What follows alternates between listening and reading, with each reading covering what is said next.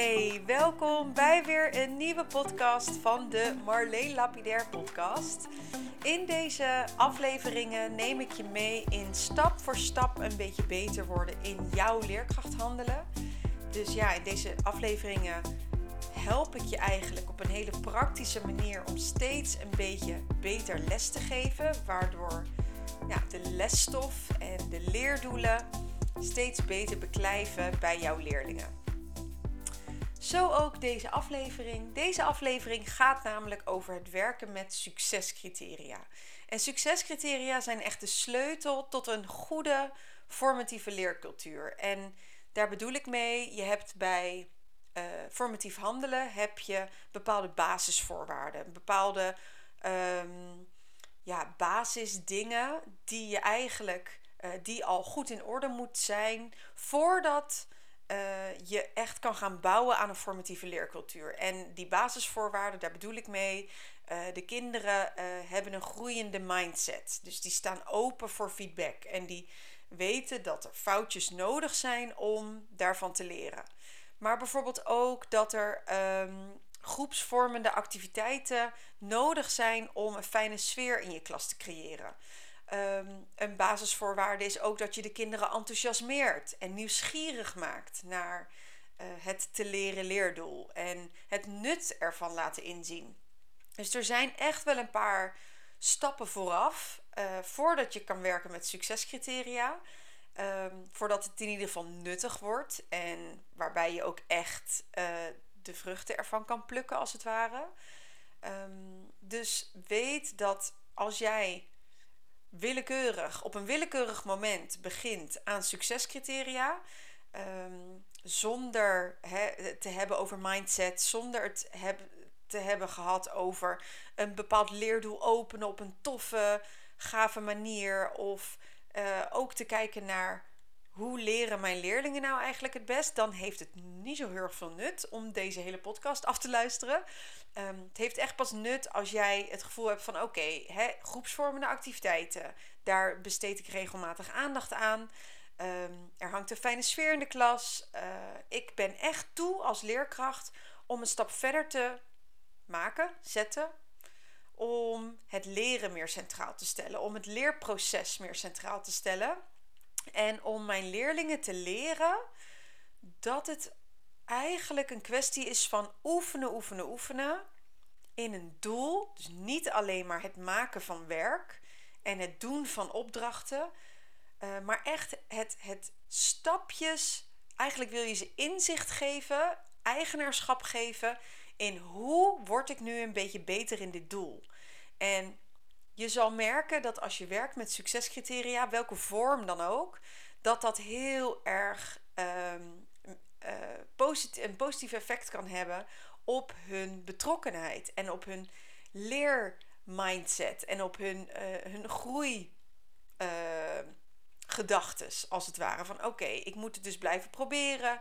Ik kan kiezen uh, tussen de succescriteria waar ik een beetje beter in wil worden. En ja, met succescriteria word je dus eigenlijk veel procesgerichter.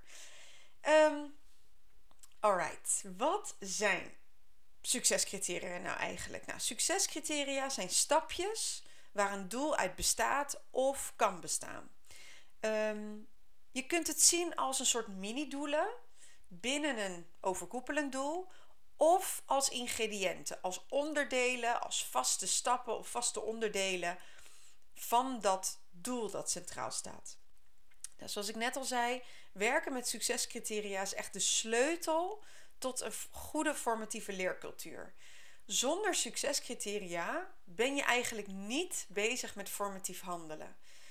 Het is echt de key, de sleutel om kinderen procesgerichter te laten denken. Om hen meer eigenaarschap te geven in de stapjes die mogelijk zijn in hun leerproces. Je geeft kinderen als het ware inzicht in de stapjes die mogelijk zijn om beter te worden in het doel.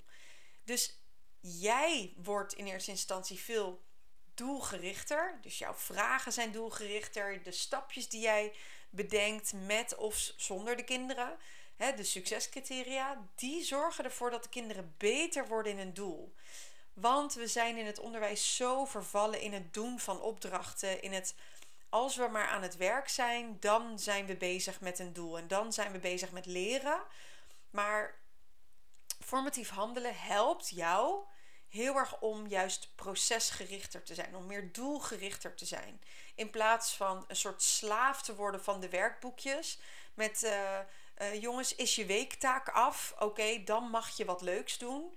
Um, je gaat veel meer kijken naar, oké, wat um, kan je nu doen om een beetje beter te worden? Dus als jij werkt met succescriteria, hoor jij veel minder.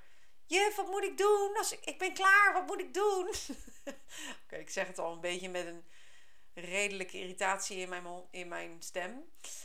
Um, dat is ook omdat ik daar oprecht een hekel aan had. Van ja, maar wat denk je nou? Dat ik, dat ik je vermaker ben? Dat ik alles maar op papier en, en voor moet kouwen hoe jij moet leren? Dus daar zat zo'n irritatie van mij. Dat ik als leerkracht ook gewoon heel graag wilde dat zij zeiden: hey juf, mag ik dit doen? Want zo word ik een beetje beter hierin. Of zo word ik een beetje beter in dit doel. Of mag ik zulke vragen bedenken? Of mag ik zo'n spel bedenken? Joh, be my guest als jij af hebt wat we hebben afgesproken, wat jij zou maken, hè, waarmee jij bewijst dat jij een beetje beter bent geworden in dit doel, dan vind ik dit prima dat jij dit initiatief hebt en dat je daarmee eigenlijk weer een stapje beter wordt. Nou, voordat we naar de soorten succescriteria gaan, vind ik het belangrijk om ook je echt mee te geven wat je met deze succescriteria nou eigenlijk bereikt. Um, je leert namelijk met succescriteria de kinderen echt in stapjes te laten denken. Van oké, dit stapje kan ik zetten en daarmee word ik een beetje beter in dit doel. Als jij daar de waarde legt van wow, dat vind ik belangrijk. Ik wil dat je nadenkt over welk stapje wil jij zetten of moet jij zetten om hier een beetje beter in te worden. Dus als jij daar al enthousiast over bent, worden die kinderen daar ook steeds enthousiaster over. Hoe oud of hoe jong je leerlingen ook zijn. Dus wanneer zij in stapjes denken en leren denken, leer jij hen dus eigenlijk ook in stapjes te groeien. Zo leren jouw leerlingen dat er dus altijd groei mogelijk is. En dat je daardoor dus altijd een beetje beter kan worden. Dus je gaat veel minder horen, juf, ik ben klaar. Of ik kan dit niet dat soort dingen, of wat moet ik nu doen, dat ga je echt steeds minder horen, omdat je ze inzicht geeft in de stapjes die mogelijk zijn. Je leert hen in stapjes te denken, in groei te denken. Uh, want er is ook echt oprecht altijd groei mogelijk binnen een doel. En omdat we vaak als leerkrachten een beetje zijn vervallen in het behalen van lesdoelen, um, zijn we vergeten dat het eigenlijk gaat om leren. Het gaat dus om leerdoelen. En de lessen zijn een middel om een beetje beter te worden in die leerdoelen. Tuurlijk, een, een soort subdoel kan best een lesdoel zijn, maar het doel is niet dat je dit aan het einde van de les behaald hebt of beheerst allemaal op het soortzelfde niveau. Het gaat erom dat we er een beetje beter in zijn geworden. Sorry. Want het, ja, er is altijd groei mogelijk. En doordat je hen leert in stapjes te denken, leer je hen aan dat het oké is om zelf keuzes te maken, om het eigenaarschap als het ware te pakken. Om keuzes te maken in waar jij als leerling je nu op focust. In plaats van alleen maar bezig te zijn met de opdracht en daarmee een soort ja, bezigheidstherapie, bezig bent met bezigheidstherapie. Waardoor je dus alleen maar die opmerkingen krijgt met... Juf, ben ik nu klaar? Juf, wat moet ik nu doen? Want dan gaan de leerlingen alleen maar van opdracht naar opdracht. Je wil echt... Kijk, ehm, ik ben niet soort tegen die opdracht en tegen methodes of wat dan ook. Ik ben meer gaan denken met formatief handelen ben ik kritisch gaan kijken naar wat de kinderen maken of moeten doen ben ik daarmee bezig met het beter worden in een doel? Of zijn ze gewoon aan het herhalen of aan het oefenen? weet je, dat is ook goed. Alleen ben je dan niet aan het formatief handelen. Het, het werk wat de kinderen maken moet dienend zijn aan een beetje beter worden in dat doel. Dus de meerwaarde van het werken met succescriteria is eigenaarschap en inzicht vergroten. En de leerlingen veel meer betrekken bij dat leerdoel. Met hen de basis meegeven. Hoe kan je groeien?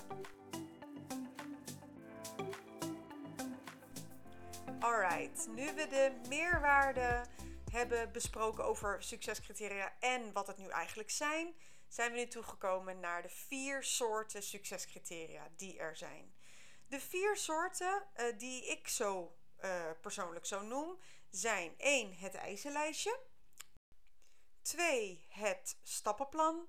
3. Het fasemodel. En 4. Het T-schema. Goed, te beginnen met het eisenlijstje. Het eisenlijstje is eigenlijk, die werkt het lekkerst wanneer je vaste onderdelen hebt binnen een doel. Waaruit een doel eigenlijk uit vaste onderdelen bestaat. Het is ook heel goed te combineren met iets wat kinderen moeten maken. Iets wat echt tastbaar is. Dus het schrijven in een schrift of um, uh, aan het einde van de schooldag moet de klas er op deze manier uitzien. Dit zijn de eisen die ik stel aan een opgeruimde klas. Uh, maar ook bijvoorbeeld het samenstellen van goede vragen. Of wanneer is je tekening klaar als je hem inlevert. Dus echt vaste onderdelen waar een doel uit kan bestaan. Je kan het ook zien als een soort van checklist. Een checklist die je kan afvinken van oké, zie ik elk onderdeel terug aan het eindproduct of aan het eindproces. Uh, zie ik dat letterlijk terug. Dus dan kan je het soort vinken, soort checken. Um, maar het allerleukste, het allertofste aan het werken met het eisenlijstje is wanneer je gaat werken met um, kwaliteitsverschil. Dus kijk, je hebt een opgeruimde klas en een opgeruimde klas. Dus kijk, tuurlijk, een een, een, een super concreet voorbeeld bij een opgeruimde klas is bijvoorbeeld dat de tafels leeg zijn. Daar kan je weinig aan kwaliteitsverschil aan doen. Maar bijvoorbeeld de tafels zijn schoon. Nou, dan heb je schoon en schoon. Ik bedoel, we weten allemaal als leerkracht dat er soms hele rare dingen geplakt zijn op tafels. Of snot of gegumd-achtige taferelen. Nou ja, in ieder geval, tafels kunnen er heel bizar uitzien aan het einde van de dag. Echt, dat je denkt, hoe dan? Maar um, uh, het is allemaal mogelijk bij die leerlingen. Dus uh, wat ik hiermee wil zeggen is dat je met het eisenlijstje ook heel goed kwaliteit kan bepalen. Bijvoorbeeld, um, je hebt een um, eisenlijstje gemaakt van een werkstuk. En dan heb je als eis als onderdeel, als succescriteria, heb je een voorblad. Nou, dan heb, kan je natuurlijk met elkaar in discussie gaan van wat is nu een kwalitatief goed voorblad in onze groep 6 of in onze groep 8. Wat bevat een goed voorblad? En daar kan je natuurlijk ook weer een soort eisenlijstje van maken, een soort eisenlijstje op eisenlijstje. Um, maar je kan het ook gewoon simpel houden en dan het hebben over kwalitatief goede stappen die je kan zetten uh, om die eis echt af te vinken. Um, wat ik ook heel vaak terugzie in een vorm van een eisenlijstje is uh, hoe jij wil dat de kinderen hun eh, schrijven in hun schrift. Dus uh, de datum linksboven, uh, de les met het leerdoel erachter. En dan vraag 1 voor de kantlijn en dan het antwoord, nou ja, zo. Dus dat er ook allemaal voorbeelden van die eisen bij staan. Uh, en met voorbeelden bedoel ik een soort visuele weergave van hoe dat er dan precies uitziet. En aan het einde eh, staat dan vaak zet een streep met liniaal en een potlood onder dat werk. Zodat je nou ja, gewoon geen papier verspilt. Nou, dat staat er niet allemaal bij, maar dat is dan de uitleg die je erbij geeft. Bij dit eisenlijstje kan je dus ook op een gegeven moment, als je die kwaliteit wil verhogen bij de leerlingen, omdat jouw leerlingen echt hele stukken papier en in hun schrift overslaan omdat ze en, en hun werksoort niet meer kunnen terugvinden, um, kan je ook de kwaliteit van die stappen gaan bepalen met elkaar. Dus schriften ruilen met elkaar. Wie schrijft er nou duidelijk bij wat voor dag van de week of dag van de maand het is? En hoe kunnen we dat nu met z'n allen bepalen wat nu een goede kwaliteit daarvan is? Um, dus, resume, het eisenlijstje kan heel goed dienen als checklist. Maar vervolgens als uitbreiding kan je hem dus ook uh, kwalitatief goed gaan neerzetten. Door een soort schaalvraag erachter te doen. Of met elkaar te bediscussiëren. Hoe ziet goede kwaliteit eruit van deze stap? Een uh, paar voorbeelden van eisenlijstjes die ik heb gezien zijn, nou, wat ik net zei, hoe schrijf je netjes in schrift. Uh, maar ook uh, mijn tekening is klaar als je bla bla bla bla bla. Ik heb ook een eisenlijstje gemaakt, zelf bij goede vragen stellen. Ik werkte op een NT2-school en daarbij was het stellen van goede Nederlandse vraagzinnen was echt gewoon best wel heel lastig. Dus dan was stap 1, of eigenlijk eis nummer 1, succescriteria 1 is vraagwoorden gebruiken. Wie, wat, wanneer, waar, bla bla bla. 2 is meer mensen moeten het interessant vinden. Um, worden mensen hier nieuwsgierig van? Eis 3, gebruik een hoofdletter als eerste letter, enzovoort, enzovoort. Nou, het eisenlijstje wat ik ook vaak zie is bij bijvoorbeeld een opstel. Bevat jouw opstel deze onderdelen? Of het schrijven van een bepaalde tekst. Hè, bevat de tekst deze en deze onderdelen. En wat ik ook vaak zie is een eisenlijstje van het beoordelen van een spreekbeurt of het beoordelen van een werkstuk. Je kan namelijk naar je eh, medeleerling of uh, hoe heet zoiets, je klasgenoot kijken uh, terwijl die een spreekbeurt aan het houden is. En dan kan je kijken naar um, heeft elk uh, kopje nou nuttige informatie? Of deze persoon vertelt uit zijn hoofd en hij praat rustig en duidelijk. En daar kan je dus ook een soort van schaalvraag van maken. Van, ja, maar van een schaal van 1 tot 5 of 1 tot 4. Ik ben altijd pro schaalvragen met een even aantal, want anders gaan kinderen heel vaak in het midden zitten. Um, zodat het of een soort onvoldoende is of wel voldoende. Maar op die manier kan je dus de eisen bekijken van dat eisenlijstje. Uh, of het eindproduct of het eindproces. Uh, in het geval van bijvoorbeeld een spreekbeurt. Dat is dan een eindproces, want dat doen kinderen. Of alles daarbij het bevatten.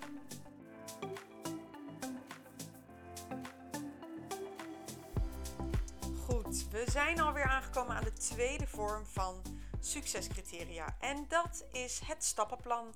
By far de meest voorkomende vorm van succescriteria omdat je vaak wilt als leerkracht dat kinderen in een bepaalde volgorde denken voordat ze bij het antwoord komen. Uh, het is een uh, vorm van succescriteria die heel veel wordt gebruikt bij rekenen. Uh, maar je ziet het ook bij taaldoelen, bij spellingdoelen.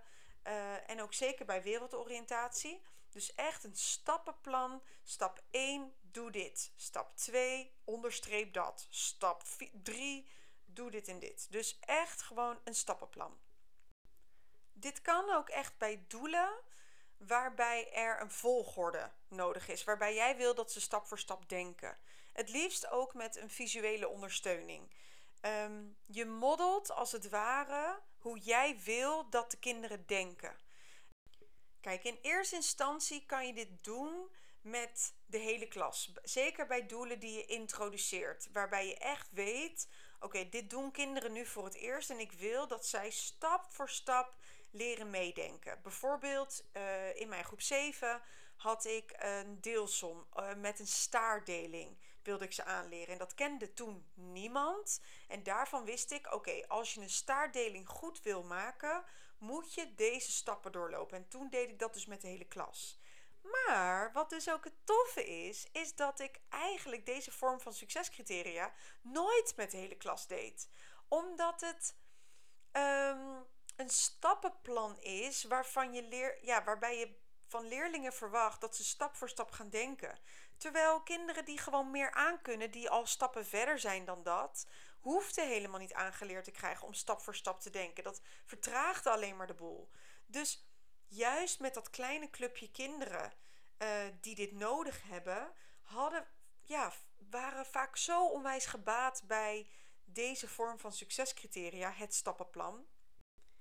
En de voorbeelden zullen je vast ook niet heel onbekend klinken. Um, het stap voor stap bijvoorbeeld voordoen van hoe je een analoge klok kijkt. Uh, met tekst en een afbeelding erbij.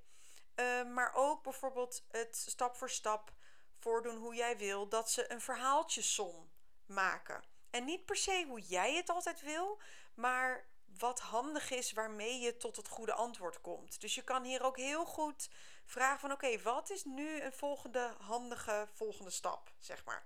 Dus dat de succescriteria meer uit de kinderen komen. Um, denk ook aan een stappenplan. Hoe wil je dat ze plakken? Of hoe vind je een woordsoort in een bepaalde zin? Of hoe eh, vind je een bepaald zinsdeel in een bepaalde zin? Dat zijn allemaal stappenplannen. Maar ook cijferend vermenigvuldigen, een samenvatting maken. Maar het kan ook zijn dat je denkt aan een bepaalde houding, bepaald houdingsdoel. Uh, zo lopen we stil naar buiten. Of uh, hè, maak eerst een rij. We zijn stil in de gang. Bla bla bla. En dus zo stap voor stap denkend aan het eindproces. Dus als je deze stappen doorloopt, dan zijn we succesvol.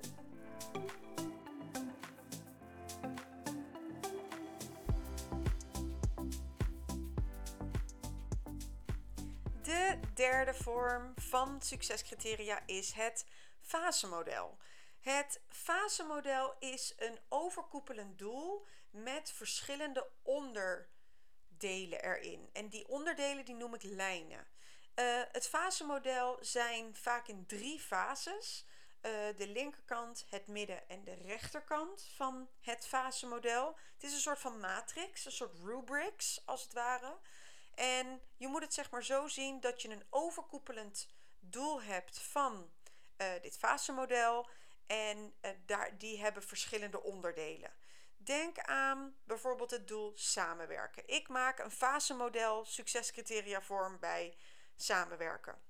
Nou, dan heb je verschillende onderdelen en die noem ik dan lijnen binnen samenwerken. Bijvoorbeeld naar een ander luisteren of van jezelf laten horen of een gelijke taakverdeling of uh, je verantwoordelijkheid nemen voor je taak of um, een afspraak nakomen. Nou, dat zijn allemaal lijnen binnen samenwerken waar je in verschillende fases kan zitten. In drie fases. Dus de linkerkant met ik kan het een beetje, het midden ik kan het steeds beter en rechts ik kan het goed bijvoorbeeld. Of je kan de fases ook kleuren geven uh, waarbij ik eerder zou vermijden dat groen altijd maar de beste is en rood de slechtste. Ik zou lekker een beetje spelen met die kleuren. Um, maar dat maakt het fasemodel dus um, heel. Ja, ik hoop dat ik het visueel goed uitleg nu. Het is net de radio natuurlijk dit. um, waarbij je dus verschillende lijnen hebt binnen een overkoepelend doel. En dat je eigenlijk met die lijnen eigenaarschap vergroot bij je leerlingen. Ik moet zeggen, deze vorm van succescriteria is het meest effectief als je eigenaarschap bij de leerlingen wilt vergroten. Um, eigenaarschap vergroten, daar bedoel ik mee uh, met deze vorm dat de kinderen dus mogen kiezen van oké, waar ga jij je op focussen? Op welke lijn ga jij je focussen? Stel je kiest samenwerken, oké, ga jij je focussen op van jezelf laten horen? Of ga jij je focussen op bijvoorbeeld je afspraken nakomen? En um, daarbij ligt de verantwoordelijkheid altijd bij de leerling wie hem of haar checkt. Dus jij bent niet altijd de Sjaak dat jij altijd hè, dat moet checken.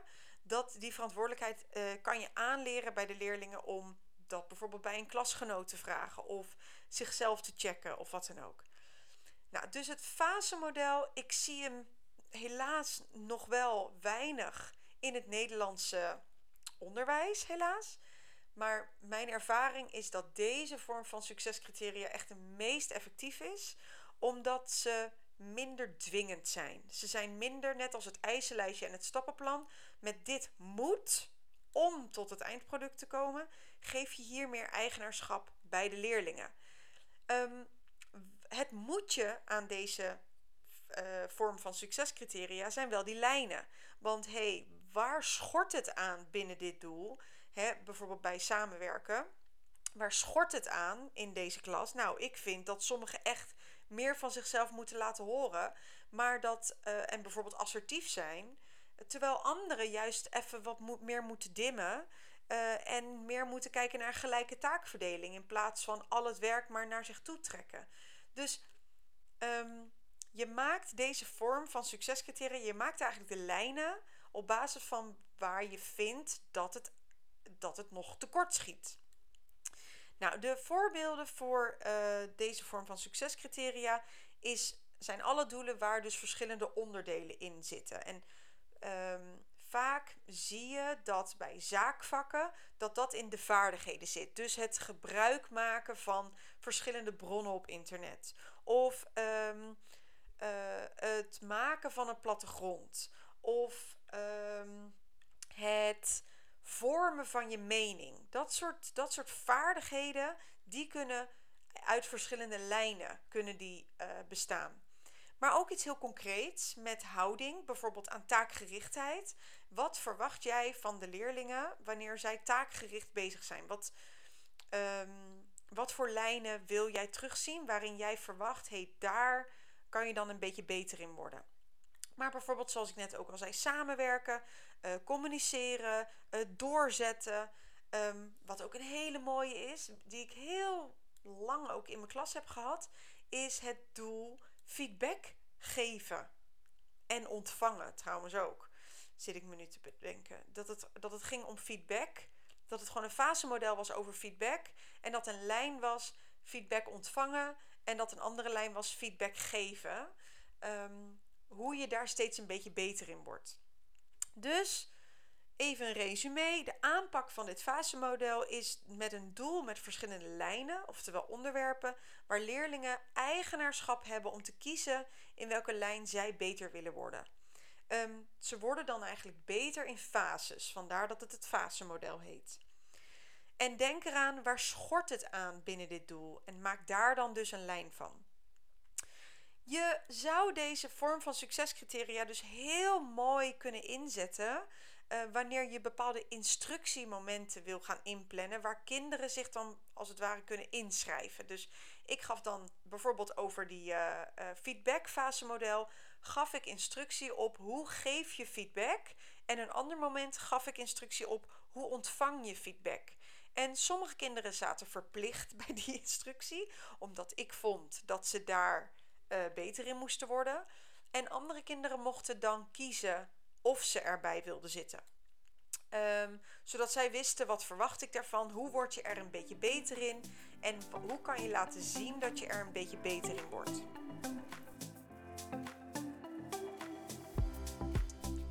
En we zijn alweer aangekomen tot de laatste vorm van succescriteria. En die zie ik heel veel terug bij mensen die mij volgen. En dat is het T-schema. En het T-schema is eigenlijk in de vorm van een T. uh, waarbij je aan de linkerkant schrijft en tekent wat zie ik. En aan de rechterkant van de T schrijf je wat hoor ik. Dus je schrijft gewoon een hele grote T op je blad. Linksboven wat zie ik, rechtsboven wat hoor ik. Het T-schema gebruik je bij houdingsdoelen. Dus bij gedrag dat jij wil zien en horen. Want het T-schema vul je in met gewenst gedrag.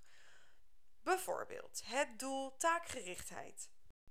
Bij taakgericht gedrag zie jij de kinderen zich op een bepaalde manier gedragen. Jij ziet hen bepaalde dingen doen. Dat schrijf je letterlijk, dat letterlijke gedrag schrijf je onder wat zie ik. Zodat de kinderen heel concreet zien, oh ja, dit zie je iemand doen die taakgericht bezig is. Um, een voorbeeld, ik zie uh, dat ze geconcentreerd naar hun werk kijken. Uh, ik zie dat uh, kinderen aan het werk zijn. Dat hoeft dan niet met een potlood en een gum in je hand, maar dat je aan het werk bent. Ik zie dat je niet om je heen kijkt. Ik zie dat je ehm, maximaal één keer per verwerking naar de wc gaat. Dat soort hele concrete dingen. Nou, wat hoor je bij um, taakgericht gedrag? Is, um, nou, je kan natuurlijk taakgericht gedrag hebben in het zelfstandig werken, maar je kan het bijvoorbeeld ook hebben met samenwerken. Dus in dit geval zou ik hem dus soort twee kleuren geven. Dus wat hoor je kinderen letterlijk zeggen bij uh, het, uh, een, een, goede situatie van dit doel? Uh, bijvoorbeeld bij taakgericht gedrag, wanneer zij aan het werk zijn, is eigenlijk gewoon stilte. Dus je hoort helemaal niks. Maar wanneer zij samen aan het, aan het samenwerken zijn, is um, dat je ze opmerkingen en zinnen hoort zeggen die te maken hebben met de opdracht, te maken hebben met de taak. Um, je hoort ook dat ze aan elkaar vragen stellen uh, die te maken hebben met de opdracht, te maken hebben met het doel. Dus wat ik hiermee wil zeggen is: wat hoor je leerlingen letterlijk zeggen als ze goed zijn, als ze dit doel soort goed uitvoeren? Nou, de voorbeelden hiervan zijn, um, gaan vooral dus over, over houding. Dus hoe werk je goed zelfstandig? Hoe communiceren we goed met elkaar? Hoe spelen we gezellig buiten? Uh, hoe, uh, klinkt en, en uh, hoe klinkt het en wat zie ik bij het werken in circuits? He, of een goede samenwerking. Dus het gaat veelal met het T-schema over houding. Over wat zie en wat hoor je in een gewenste situatie. De meerwaarde van deze vorm van succescriteria is dat de kinderen hun eigen gedrag mega goed kunnen spiegelen naar een wat meer gewenstere situatie, als het ware. Um, zij kunnen uh, ook door middel van bijvoorbeeld een visuele ondersteuning voor de wat jongere kinderen, uh, of foto's of afbeeldingen, um, kan je dus heel goed spiegelen. Leg je ook weer dat eigenaarschap bij hen neer van oké, wat ging er in deze les goed, wat ging er in deze les minder goed. Um, een uitbreiding van deze vorm van succescriteria is dat je ook een soort van meting maakt. Dus hè, we hebben die uh, gewenste vorm, gewenst gedrag. Wat zie je en wat hoor je in een gewenste situatie hebben we beschreven. Maar dan ga je ook een soort meting maken met wat je op dat moment hoort en wat je op dat moment ziet. Dus dat je die huidige situatie naast de wat meer gewenstere situatie gaat leggen, zodat de kinderen zich bewuster worden van hé, hey, wat doe ik nou eigenlijk? Wat is mijn gedrag? En wat zeg ik nou eigenlijk? Um, en hoe kan ik dat verbeteren? Dus hè, weer dat formatieve. Hoe, wat kan ik doen om een beetje beter te worden in dit doel? En nog een uitbreiding is: maak foto's en video's van momenten dat het al iets beter gaat. En laat de kinderen dan dus benoemen wat er dan beter gaat.